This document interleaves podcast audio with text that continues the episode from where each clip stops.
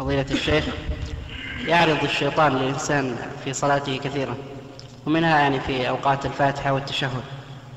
فإذا قرأ فإذا تأكد المصلي أنه قرأ الفاتحة أو يعني لم ينتبه إلا هو في آخر الفاتحة في قوله مثلا غير المغضوب عليهم ولا الضالين أو في آخر التشهد. انتبه إلى أنه قرأ الفاتحة من غير تدبر هل يعيد الفاتحة أم لا يعيدها؟ لا يعيدها.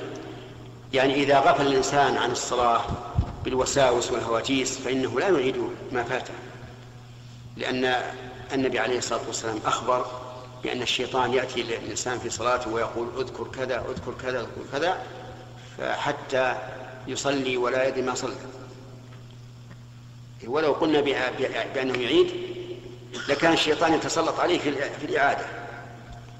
ثم نقول أعد ثانية. وثالثة ورابعة.